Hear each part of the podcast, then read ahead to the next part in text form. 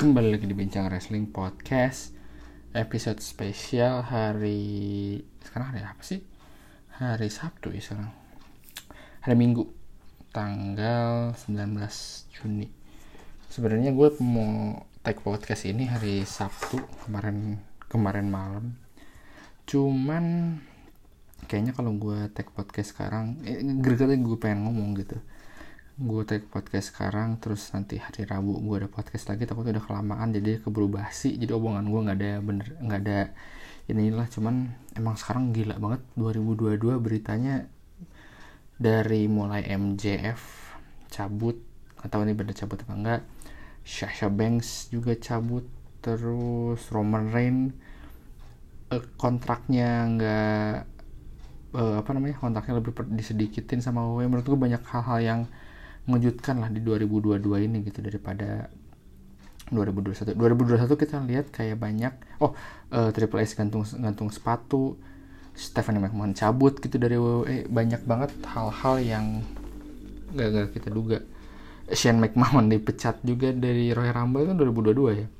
2021 tuh sebenarnya kan peralihan dari pandemi yang gak ada penonton terus jadi ada penonton. Dan juga uh, ini apa sih namanya uh, kembalinya si Empang Daniel Bryan Adam Cole ke apa namanya ke AEW Christian Cage balik lagi. Uh, kayak O'Reilly sama kita nggak kaget gitu ngelihat the ill uh, the undisputed era bisa ada di AEW gitulah banyak banyak hal gitu di yang yang ada di 2021 ternyata pas di 2022 wah lebih mengagetkan lagi gitu. Kayak banyak yang cabut apa segala macam terus yang mau gue bahas tentang Vince McMahon gitu yang dia ada di live Smackdown kemarin Jumat Jumat malam atau Sabtu pagi waktu Indonesia dia emang allegationnya kalau dia bakalan eh, apa namanya akan ada allegation gue udah bahas di bincang resen podcast kemarin. Lu udah bisa denger dari hari Rabu kemarin. Terus si setelah itu si Vince McMahon mundur resmi mundur dari WWE dan digantikan oleh Vince, uh, Stephanie McMahon anaknya ya yang jadi interim CEO gitu. Banyak orang kok bukan Shane? Kok bukan Shane? Dah kalau gue sih gue gue pribadi ngelihat dari segi sudut pandang bisnis ya pasti Stephanie karena Stephanie udah berapa tahun di, di menjabat sebagai chief di WWE gitu udah karena Stefan itu nggak ada waktu di mana dia cabut dari WWE baru sekarang doang gitu. Cabut tuh dalam artian dia dia terus di WWE kan mau di on ring atau off ring gitu. Paling pas dia hamil lah waktu pas di 2000-an gitu. Cuman kalau Shane McMahon kan kayaknya dia sempet 2000 berapa tuh ya kalau nggak salah. 2012 atau 13 dia cabut dari WWE dia bikin startup baru perusahaan baru tapi gagal kayaknya. Akhirnya dia balik lagi ke WWE itu juga baru pas 2017 gitu. E, banyak orang juga bilang katanya memang si Shane McMahon itu kurang kurang di e, gennya tuh lebih gen nice kayak ibunya Linda McMahon. Kalau gen si Vince tuh lebih ke Stephanie gitu yang ruthless yang bisnis aja gitu. Udah otak itu bisnis bisnis bisnis gitu. Sementara kalau Shane tuh ini di belakang layar ya kalau di depan layar sih menurut gue lebih bagusan Shane lebih menghibur lah. Kalau Stephen itu kayak kelihatan kayak dia dapat spotnya tuh kayak terlalu maksa dari segi rank apa apa gitu. Dapat dapat women's champion melawan Nikki Bella apa segala macam melawan Ronda Rousey juga gitu gitulah nggak nggak terlalu menurut gue ya nggak begitu terlalu dalam tanda kutip pantas lah menurut gue karena dari, dari segi wrestling skillnya ah, biasa aja gitu.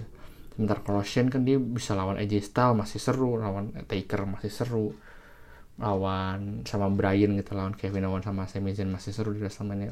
Pokoknya oke okay lah kalau si Shane McMahon. Jadi di depan nih kalau di belakang itu masih Stephanie gitu. Nah jadi kalau misalnya ini gue sih nggak nggak masalah masalahin tapi yang jadi masalah di SmackDown kemarin menurut gue opening dan endingnya. Kita bahas openingnya dulu. Uh, openingnya itu si Vince McMahon uh, mau ngebuka SmackDown. Jadi beberapa jam sebelum SmackDown on air terus ada pengumuman di WWE dan di WWE Instagram. Dan Vince McMahon akan membuka uh, akan ada announcement gitu di WWE gitu di opening. Terus rame itu ini apa nih orang gila apa Vince McMahon? Dan Vince McMahon keluar dia jalan gitu sebagai karakter Vince McMahon terus dia ngebuka dengan then now forever tagline-nya WWE then now forever dan dan, dan dia bilang and the, the most important thing together terus dia ngelempar mic-nya terus dia balik balik lagi ke belak ke rem gitu terus dia jadi apa namanya kayak jalan ala ala Vince McMahon ala karakternya gitu. Um, dan yang serunya sebenarnya bukan di situ yang serunya adalah people people tuh cheer gitu cheer wah gitu kan. Terus yang di Twitter sama yang ini apaan sih orang-orang kenapa pada cheer ada Vince McMahon harusnya di di bu atau apa? Terus di komen di komen di YouTube-nya juga video di YouTube-nya di matiin dislike-nya juga sampai 21 ribu apa mungkin sekarang nambah gitu.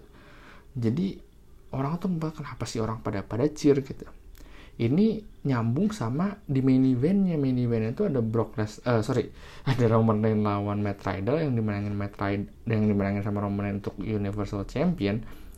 Terus tiba-tiba Brock Lesnar keluar terus pada orang pada cheer wah ada Brock Lesnar gitu. Terus akhirnya di FI segala macam. Dan SummerSlam Brock Lesnar lawan Roman Reigns lagi uh, buat ada Spirit WWE Champion. Terus uh, ada Spirit WWE Champion Last Man Standing. Kan anjing kenapa ini? Uh, ini gosip karena gosip besarnya itu katanya Money in the Bank dua bulan yang lalu katanya Money in the Bank itu Matt Riddle lawan Roman Reigns di Money in the Bank SummerSlam Roman Reigns lawan Randy Orton terus Clash of Castle Roman Reigns lawan Drew McIntyre. Katanya tuh gosip itu kayak gitu tapi nggak tahu kenapa Roman Reigns lawan. Gue gue ngerti Smackdown tuh di sering banget big match big match menjadi pada di SmackDown. Nggak tahu emang Fox uh, demandnya gede dan ngasih duit yang gede ke WWE ya dibanding kayak USA gitu. Gue nggak tahu nggak tahu itu karena itu juga tahun lalu kita lihat Roman Reigns lawan Rey Mysterio Hell in a Cell WWE, Champ, WWE Universal Champion di SmackDown bukan di pay per view terus Randy Orton sama Matt Riddle lawan The Usos gitu Unified tag team champion di Smackdown gitu. Bukan di pay per view bukan di Hell in a Cell. Malah menurut gue bisa main event banget itu pertandingan. Sekarang Matt Riddle dan Roman Reigns Universal Champion malah di Smackdown gitu. Kenapa gitu? Gue ngerti apa apa dari Fox yang emang pengen duitnya lebih gede banget atau gimana? Gue gue nggak paham tapi mereka sering banget itu ngelakuin hal itu. Nggak ngerti juga apakah karena Randy Ortonnya cedera katanya kan Randy Orton diperkirakan bakalan cuma berapa bulan ternyata dia sampai uh, out sampai 2023 gitu. Nggak tahu ini karena emang emang udah usia kali udah 40-an recovery-nya rada, rada atau apa pun lah gitu. Jadi mungkin berubah plan akhirnya ya udah udah manggil Brock Lesnar lagi. Brock Lesnar melakukan hal seperti biasa tapi kenapa nggak kan orang bilang ada Bobby Leslie ada Drew McIntyre. Mungkin Drew McIntyre disimpan buat Drew Castle, apa Castle kali ya.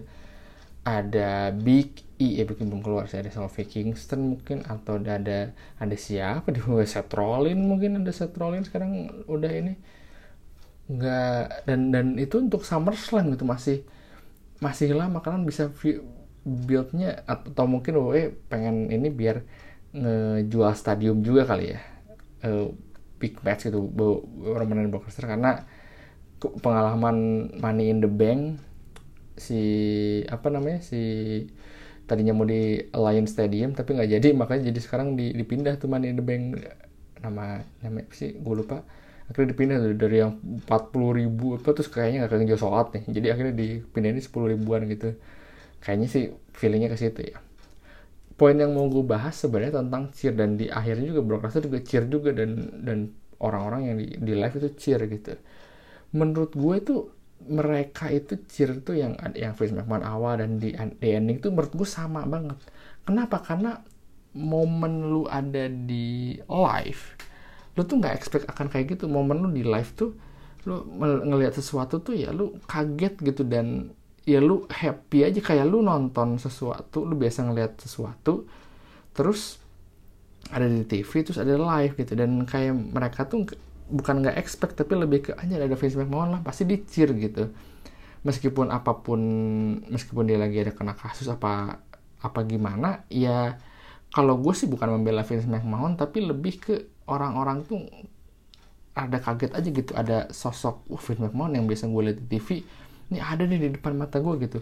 Dan lu kalau yang denger anjing apaan sih ini? Vince McMahon nih? Harusnya nggak e, dibu jangan dicir gitu. Kalau lu gue yakin kalau lu ada di live juga dengan di posisi itu pasti ngecir juga Vince McMahon. Karena ya ini Vince McMahon gitu di depan lo sama aja kayak Brock Lesnar. Orang-orang juga mempertanyakan kenapa sih orang pada ngecir Brock Lesnar? Bosen kali mending Brock Lesnar lawan si Bobby Leslie mungkin atau Roman Reigns lawan siapa gitu. Tapi ya lu ah, lu yang nggak expect lu udah beli tiket live dan tiba-tiba anjir ada ada Brock Lesnar gitu di depan mata lu sama gitu jadi jadi jadi makanya menurut gue sih gue nggak nyalain orang-orang yang ada di live ya. Untuk untuk kasus yang kemarin terutama untuk kasus Vince McMahon sih yang awal gitu. Gue sih lebih menyalahkan oh itu emang gila banget sih sebenarnya uh, the show must go on dan must go on itu go. Maksudnya sampai hal-hal yang sampai yang kita mikir anjir ini kok bisa ada kayak gini ya dulu ada kasus di mana Owen Hart jatuh terus sampai Martha Hart jatuh dan meninggal gitu. Martha Hart sampai bilang ini kenapa sih acara tetap dilanjutin dan acara harus berlanjut? Gitu. Ada dua sudut pandang. Sudut pandang pertama eh, apa namanya kok Vince jahat banget jahat jahat banget sih? Acara harus tetap berlanjut. Sudut pandang kedua emang Vince berat banget itu. Dia harus memikul itu. Eh, harus keputusan itu harus ada ada dan dari sudut pandang itu juga ya Vince punya tanggung jawab buat orang yang udah beli pay per view dan ini ini 2099 eh, loh bukan 2022 gitu yang orang masih beli pay per view orang apa namanya sponsor banyak gitu yang harus dipertanggungjawabkan. Jadi oke okay, the show must go on gitu. Dari ada dari, dari sudut pandang itu terus kayak ada dari kasusnya steroid trial terus kasusnya Chris Benoit waktu itu. Banyak banget kasus di mana Fitz didesak gitu untuk disudutkan. Ternyata dia lolos dan sekarang kayak gini dia harus step down gitu dari WWE dia yang membuat tapi dia yang menghancurkan juga gitu. Uh, apa namanya?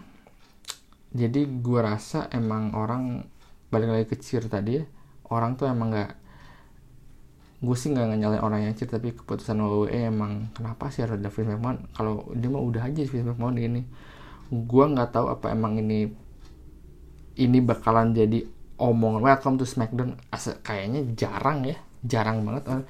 Kalau welcome to Monday Night Raw sering banget baru ngomong gitu. Welcome to WrestleMania. Udah sering banget opening WrestleMania waktu pas satu gitu kan. Welcome to SmackDown tuh jarang. Gue nonton WWE uh, dari 2099 gitu sejak nggak pernah gue dengar dan Smackdown dari 99 nggak pernah gue dengar Vince McMahon welcome to Smackdown.